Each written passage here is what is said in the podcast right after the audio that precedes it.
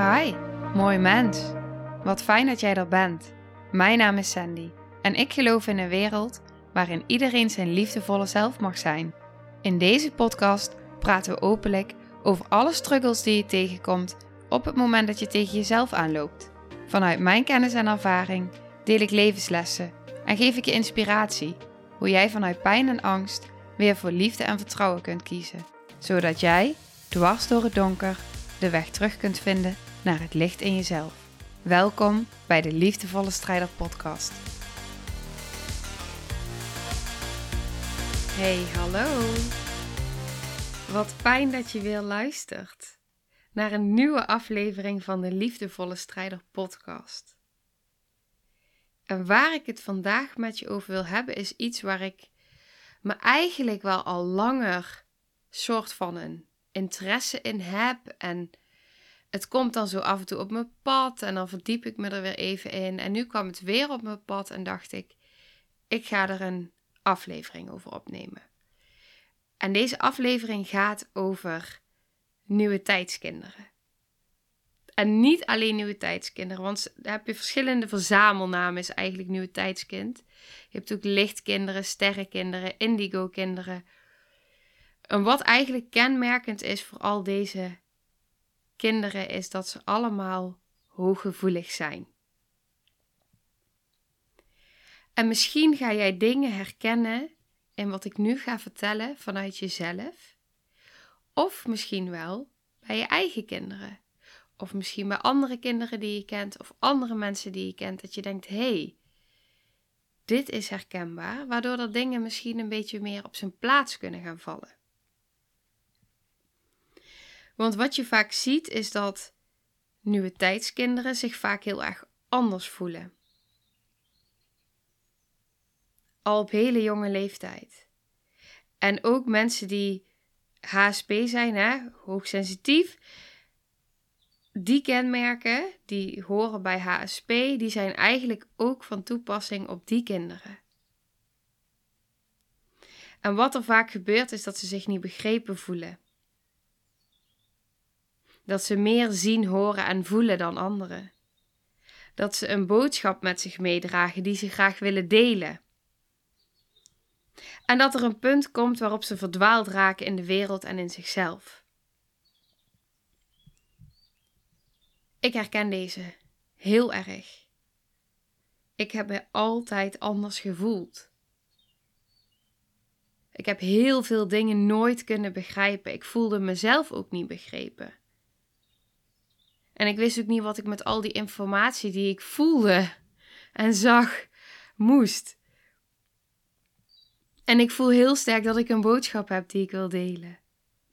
En ook ik ben heel erg verdwaald geraakt, zowel in de wereld als in mezelf. Ik heb heel lang mijn trauma niet durven uitspreken. En nog steeds kost dat wel eens moeite. En dat zijn allemaal kenmerken van een nieuwe tijdskind. En ik weet nog dat mijn moeder ooit tegen me zei: Ja, je bent een nieuwe tijdskind. En dat ik daar helemaal niks van wilde weten op dat moment. Alleen maar heel erg veel uh, weerstand tegen alles voelde wat, uh, ja, gewoon heel veel weerstand voelde. En dat is nu wel anders. En nu begin ik al die linken te leggen en dingen te zien. En dan denk ik, jeetje. En ik denk dat wij nu nieuwe tijdskinderen mogen gaan helpen. En dat is ook waarom ik deze aflevering opneem. Want wat er vaak gebeurt met die kinderen is dat ze zich zo, ja, zo eenzaam voelen. Zo eenzaam en dat ze ook daardoor hè, dat deed ik ook, je, je gevoeligheid gaat negeren. Omdat je erbij wil horen. Want erbij horen is overleven.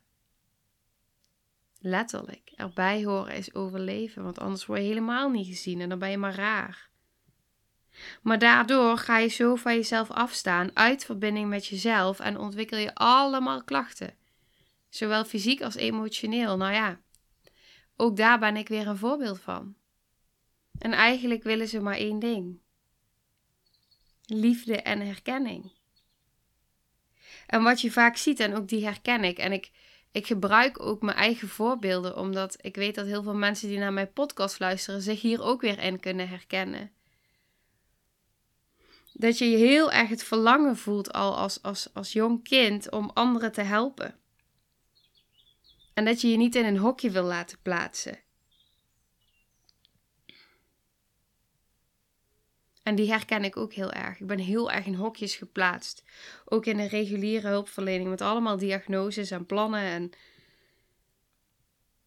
ja, dat vond ik verschrikkelijk.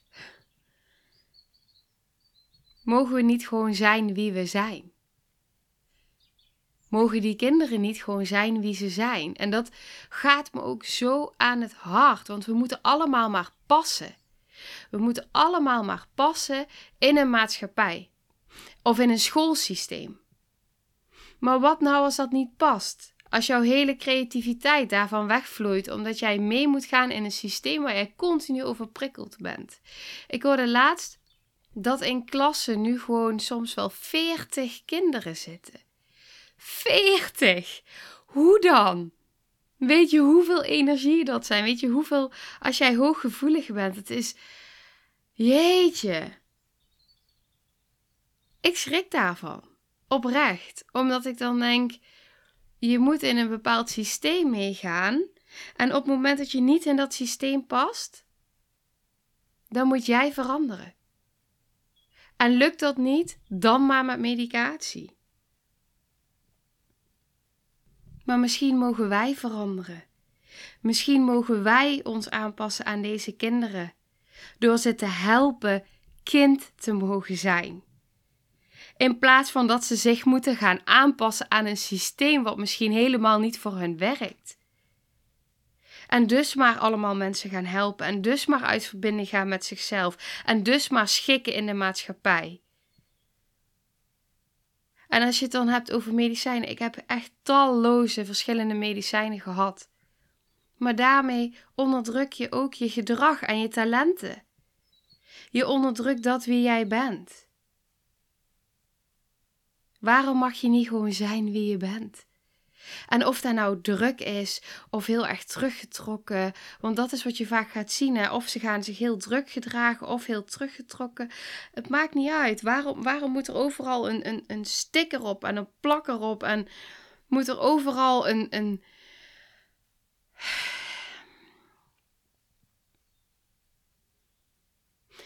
het raakt me gewoon, omdat ik dan denk van jeetje, als je concentratieproblemen hebt en het is al zo moeilijk om je aan te passen, dan wordt er dus eigenlijk tegen je gezegd, ja, je bent te druk, dus hier heb je medicijnen om je rustiger te maken. Vanuit alle goede bedoelingen, en ik bedoel daar helemaal niet om daarmee iemand uh, of, of wat dan ook te raken of, of af te vallen.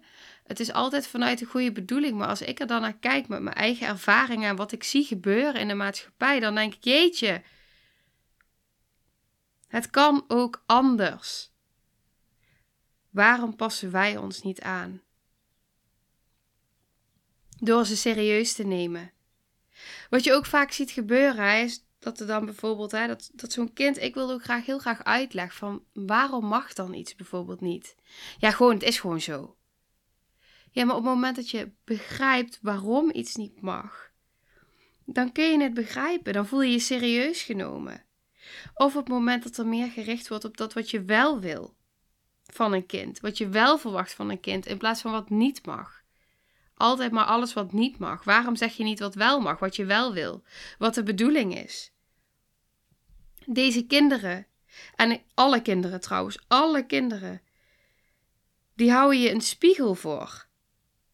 De vraag is: durf je te kijken in de spiegel die ze jou voorhouden?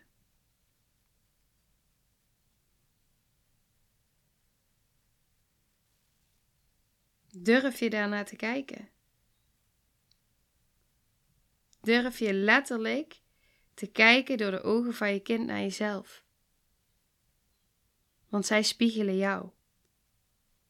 Ik weet bijvoorbeeld dat ik als kind al wist en kon zien en kon voelen als iemand niet oprecht was of als iemand loog. Ik weet, ik heb nooit geweten hoe ik het wist, maar ik wist altijd als iemand tegen mij liegt, ik wist het gewoon. In iedere cel van mijn lichaam wist ik het. Daardoor konden mensen ook niet tegen me liegen, want ik had ze gewoon keihard door. wat ik vervolgens ook nog eens deed, is dat ik het niet zei. Dus ik wist wel dat iemand tegen me loog, maar ik wilde diegene ook in zijn waarde laten. Want ik voelde ook dat er een reden achter zat waarom diegene loog.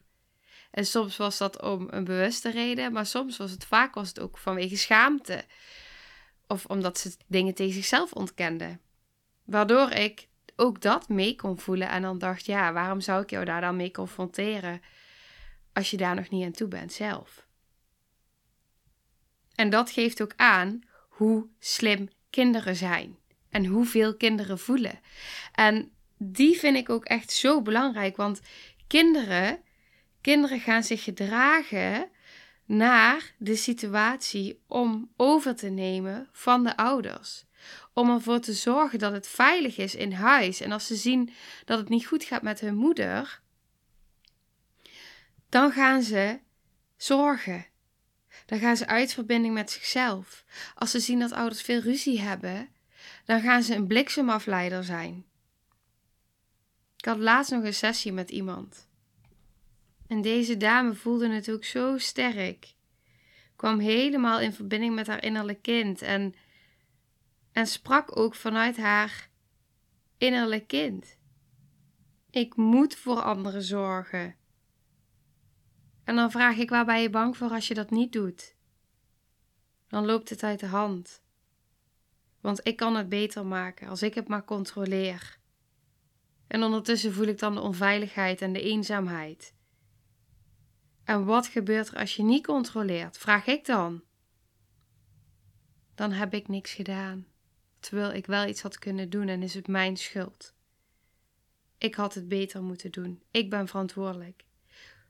Dat is wat een kind voelt. En dat is wat een kind doet. Dat is letterlijk wat een kind gaat doen. Een kind gaat zorgen. Op het moment dat ze voelen dat, er, dat, dat ouders het zwaar hebben. Nou, prima. Dan ben ik wel die clown. Dan ben ik wel die bliksemafleider. Alles om maar te zorgen, om af te leiden van die onveilige sfeer. Om op die manier gezien te worden. Om die verbinding te krijgen van die ander. Ook al betekent dat dat je uit verbinding gaat met jezelf. En wat ik wil doen is, ik heb een paar vragen die ik aan je wil stellen. Dus zet deze aflevering even op pauze terwijl je pen en papier pakt. En weet dat je deze ook kan invullen als je nog geen kind hebt. Want geloof me, als je deze vragen invult, dan ga je wel zelf beseffen wat het doet. Oké, als je er klaar voor bent, vraag 1. Wat wens jij voor je kind? Schrijf maar op. Zet hem maar op pauze en schrijf maar op. Als je het hebt opgeschreven, vraag 2. Waar merk je aan dat het niet goed gaat met je kind? Vraag 3. Wat doet het met jou als ouders als het niet goed gaat met je kind? Vraag 4. Waartoe ben jij bereid de situatie te veranderen? Deze vragen werden mij laatst gesteld. Ik was een online les aan het volgen. Die ging over nieuwe tijdskinderen en toen werd deze vraag aan mij gesteld. Deze vragen. En mijn antwoorden, en misschien herken je er wel in: wat wens je voor je kind? Vrijheid, liefde, erkenning, vreugde, gezondheid, veiligheid, gedragenheid, expressie, groei, etc. Oké, Waar merk je aan dat het niet goed gaat met je kind? Nou, misschien is hij druk, misschien teruggetrokken. Aan het gedrag kun je het merken, lichamelijke klachten. Oké. Wat doet het met jou als het niet goed gaat met je kind? Nou, het eerste wat ik opschreef was dus een signaal dat ik werk te doen heb, want dat is wat ik geloof. dat je innerlijk werk te doen hebt, zelfheling. Maar goed, het raakt je. Het maakt je bezorgd. Ik kan me voorstellen dat je je machteloos voelt, dat je schuldgevoelens ervaart, dat je onzeker wordt. Oké. Waartoe ben je bereid de situatie te veranderen? Alles. Dat was meteen mijn eerste antwoord. Alles. Meer hoefde er niet te staan. Wat we nu gaan doen. Luister heel goed naar wat ik nu zeg. Draai de vragen om. En de antwoorden. Allemaal. Want dit is wat jouw kinderen ook willen voor jou. En hij raakt me echt tot in het diepste van mijn kern. Want dit is wat kinderen doen. Wat wens jouw kind voor jou? Liefde, erkenning, gezondheid, gedragenheid, veiligheid, vrijheid. Dat wens jouw kind ook voor jou. Merkt het kind als het niet goed gaat met jou als ouder? Ja. Aan jouw gedrag. Aan jouw misschien emotioneel of lichamelijke klachten. Aan jouw houding. Wat doet het met het kind als het niet goed gaat met de ouder? Wat zei ik net? Geraaktheid, bezorgdheid. Ik zit hier met mijn hand op mijn hart en met tranen in mijn ogen terwijl ik dit uitspreek. Machteloos, schuldgevoelens, onzeker. En waartoe is je kind bereid om de situatie te veranderen? Alles.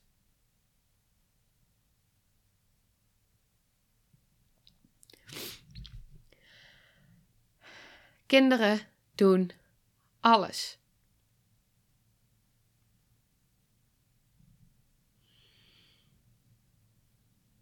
Moeten ze boos worden? Tegen een deur aanschoppen, net zolang tot de ouder het ziet? Ze doen het. Het kind wil zich wil gaan dragen. Het kind stapt in een andere rol, waardoor verhoudingen verstoord worden. De ouder focust zich op het kind en het kind focust zich op de ouder. Dus waar zit dan de sleutel? In jouw zelfheling. Daar zit de sleutel. In durven kijken in die spiegel die jouw kind voorhoudt. Op het moment dat jij ziet dat jouw kind problemen heeft die jij herkent, omdat jij die vroeger ook hebt gehad, dan weet je dat je werk te doen hebt op het gebied van zelfheling. En zo kun je je kind helpen. Ik had laatste sessie. Ik onderging zelf een sessie. Ik weet eigenlijk niet of ik het al heb gedeeld in de podcast. Maar goed, ik onderging een sessie. En ik sprak ook af met mijn therapeut wij spraken af dat als een van ons zou voelen dat het met het kindje in mijn buik niet goed zou gaan of dat hij niet goed zou reageren, dat we zouden stoppen. En ik heb een hele sterke verbinding met het kindje in mijn buik. En er was een moment waarop ik heel diep werd geraakt in mijn emotie. En ik voelde dat er iets veranderde in zijn beweging, in de energie. En ik weet dat die therapeut mij een vraag stelde en dat ik op dat moment zei: Wacht heel even. En dat ik letterlijk tegen het kindje in mijn buik heb gezet, gezegd: Dank je wel. Ik voel dat je er voor me bent. En daar waardeer ik. Maar ik ben jouw mama. En jij mag in jou, op jouw kindsplek blijven staan. En ik kan mijzelf dragen. En misschien vind je dit hartstikke raar klinken. Maar ik voelde iets veranderen. Omdat ik weet dat dit is wat er gebeurt bij kinderen. Kinderen willen het van je overnemen. Kinderen willen het van je dragen. En juist op het moment dat jij tegen je kind kan zeggen: Ik zie je, ik voel je, ik hoor je, dank je wel en ik waardeer het wat je nu voor me doet. Maar ik kan mezelf dragen. Ik kan voor mezelf zorgen. Dus jij mag op jouw plek blijven staan en ik sta op mijn plek. Dan zeg je daarmee eigenlijk op dat moment weer van jij mag gewoon kind zijn. En op dat moment kan ik ook gewoon verder gaan met mijn proces. En dat ging ook hartstikke prima. Maar wat je dus vaak ziet, is dat kinderen op die plek gaan staan van de ouder om het over te nemen. En dat jij als ouder dus echt mag zeggen: Dank je wel voor wat je doet. Ik zie wat je doet. Maar je mag op je eigen plek gaan staan. Jij mag kind zijn. Verandert er iets bij jou, verandert er iets bij je kind. En alles mag er zijn. Alles van jou mag er zijn. Alles van je kind mag er zijn. Jouw kind voelt het toch wel. En hoe harder jij je best doet om dingen niet te bespreken, om dingen er niet te laten zijn, om dingen in jezelf te ontkennen, om dingen in jezelf weg te duwen, het is er. Het is er en je kind voelt het. Je kind staat helemaal open. Vooral de eerste zeven jaar van het leven staat helemaal open. Een kind is zo gevoelig voor jouw energie. Daar stemt hij zich volledig op af. En hoe mooi is het als je dan met je kind in gesprek kan gaan. Ik zeg niet, al, weet je, alles mag zijn wat ik al zei. Ik zeg niet dat je je altijd goed mag voelen. En als je ziek bent, ben je ziek. Dat overkomt je ook. Dat is ook wat het is. Maar juist daarin ook in gesprek zijn met je kind en durven kijken in die spiegel die jouw kind laat zien. Naar jezelf. In plaats van een oordeel over het gedrag van je kind en je kindgedrag willen veranderen, kijk naar je eigen gedrag en kijk wat je daarin kan veranderen. Want ik heb wel niet zoveel voorbeelden gehoord waarbij iemand bij zijn kind zag dat hij in een soortgelijke situatie kwam dan waar hij of zij zelf in was geweest van vroeger. En op het moment dat hij dat in zichzelf ging helen, dat het letterlijk veranderde bij het kind, dat het gedrag van het kind letterlijk veranderde, doordat diegene iets in zichzelf heelde. Hoe mooi is die? En wat het gedrag dan ook is van het kind, durf dieper te kijken. En wat ook heel veel invloed kan hebben bij een hoogsensitief kind, is voeding. Die wil ik echt nog benoemen om zo mee af te sluiten. Voeding trilt op een bepaalde frequentie. Alles is energie. Wij bestaan uit energie. Voeding bestaat uit energie. En fruit trilt op een hogere frequentie en vlees en melkproducten trillen op een lagere frequentie. En alles wat er tussenin zit. Suiker, E-nummers, allemaal onnatuurlijke producten die ook trillen op een lage frequentie. Wat je vaak ziet bij hooggevoelige kinderen, is dat hooggevoelige kinderen intoleranties hebben voor voeding lactose-intolerantie of andere intoleranties. En dat komt omdat zij zelf trillen op een hogere frequentie. En het verschil met de lage frequentie van melkproducten, dierlijke producten, is dan zo groot dat ze er letterlijk last van krijgen in hun lichaam. En dat heeft absoluut ook effect op zowel hoe je je voelt, maar ook je gedrag. Dus die is ook voor jezelf zowel voor jezelf als voor je kinderen. Kijk altijd ook naar voeding, want voeding heeft zo'n groot effect. Er zitten zoveel prikkels ook in voeding. Daar kan ik nog een hele podcast over opnemen. Het is natuurlijk ook niet voor niks dat ik en mijn man allebei over zijn gestapt op plantaardige voeding. Ik heb een hele weg afgelegd met problemen met, uh, met voeding en nog steeds. En dat is dus ook heel belangrijk om daar ook naar te kijken. En durf daar dan ook eerlijk in naar te kijken. Want ja, nou, dat ligt vaak ook gewoon gevoelig.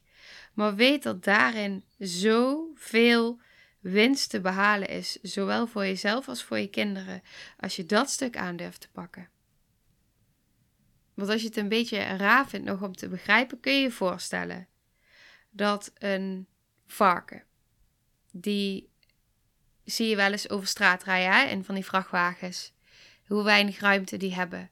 Nou, ik zal je de details besparen in wat ik heb gelezen over uh, hoe ze zeg maar tot hun einde komen. Maar ik kan je vertellen dat het gepaard gaat met heel veel angst. Heel veel angst. En kun je je voorstellen dat alleen al die hormonen waarmee zo'n dier sterft, die angsthormonen, het leven wat ze hebben gehad, en dan heb ik het nog niet eens over wat er ingespoten wordt, dat dat allemaal in de cellen van het dier zit. Dat komt automatisch in jouw cellen. Je bent letterlijk wat je eet. Dus dat wat jij eet, dat word jij. Dus die voedingsstoffen of ook de stoffen die dus schadelijk zijn, komen in jouw systeem. Kun je je voorstellen dat als jij letterlijk angst opeet, dat jij angst gaat voelen in je cellen? Dat dat meer wordt? En dat is dan één klein voorbeeldje van tig voorbeelden die ik op, op dit gebied heb. Wat het dus met je doet en hoe het dus zeker je emotie en je gedrag kan bepalen. Mensen kunnen letterlijk depressief worden van wat ze eten. Dus, conclusie. Een hele belangrijke om ook die mee te nemen. Herken je bij jezelf voedselintoleranties of dat je moeite hebt met bepaalde producten of bij je kind? Kijk daar dan eens kritisch naar en durf dan ook echt jezelf de vraag te stellen: wat vind ik belangrijker? Vind ik het belangrijker om me vast te houden aan bepaalde patronen en dingen die ik gewend ben, dingen waarvan ik denk dat ik ze lekker vind en dat mijn lichaam er blij van wordt? Of durf ik echt te gaan voelen bij wat ik, wat, waar mijn lichaam blij van wordt? Want geloof me, je lichaam geeft het aan. En dat is bij je kind hetzelfde. Dus kijk daar naar en kijk of dat het verandert in je gevoel, in je emotie, in je lichaam, letterlijk hoe je je in je lichaam voelt. Ik kreeg letterlijk een buik alsof ik, nou, ik denk dat ik nog dikker zwanger was dan dat ik, dat ik nu ben met mijn buik soms, als die zo opzette. Die werd echt, echt, echt dik. Daar was een verschil van. Dat, was, dat is gewoon niet te geloven. Ik heb er nog foto's van. Dan denk ik, jeetje. Nou, volgens mij geeft je lichaam dan heel duidelijk een signaal aan dat het niet goed gaat. En die klachten werden alleen maar erger en duidelijker. Het is een signaal, ook die klachten. Het is een signaal. Nou, ik heb weer genoeg gepraat voor vandaag. ik wil deze aflevering afsluiten. En um, ik zou het heel fijn vinden als je me laat weten wat je ervan vond. Of je herkenning voelt bij jezelf of misschien bij je kind. En ja, ik zou het heel erg tof vinden om daar, uh, om daar een reactie op te krijgen. En misschien heb je nog wel vragen gekregen. Ik ben me hier zelf ook nog uh, verder in aan het verdiepen. Dus wie weet komt er nog wel meer. Maar ik, ja, ik deel gewoon altijd graag wat er op dat moment bij mij in mijn leven speelt. Of waar ik me op dat moment vooral mee bezig hou. En vanuit daar komt mijn inspiratie ook om dingen met jullie te delen. En dan sluit ik nu echt af. In liefde. Nou, lieve mensen, ontzettend bedankt voor het luisteren. Ik ben heel benieuwd wat je van de aflevering vond en welk inzicht je eruit hebt gehaald. Mocht je nog vragen hebben of is er een onderwerp waar je meer over wilt weten, laat het me dan weten. En wie weet neem ik het mee in een van de volgende afleveringen. Als je het leuk vindt, kun je de aflevering delen. Of maak een screenshot en tag me op Instagram. Want ik vind het echt super tof om te zien wie er luistert. De link van mijn Instagram staat in de beschrijving bij de podcast. En wil je blijvend geïnspireerd worden? Klik dan op abonneer of volgen in de podcast-app waarmee je luistert. Dat zouden ik en alle toekomstige luisteraars enorm waarderen. Want dat zorgt er namelijk voor dat de podcast beter gevonden wordt. Nogmaals, dankjewel voor het luisteren en heel graag tot de volgende aflevering.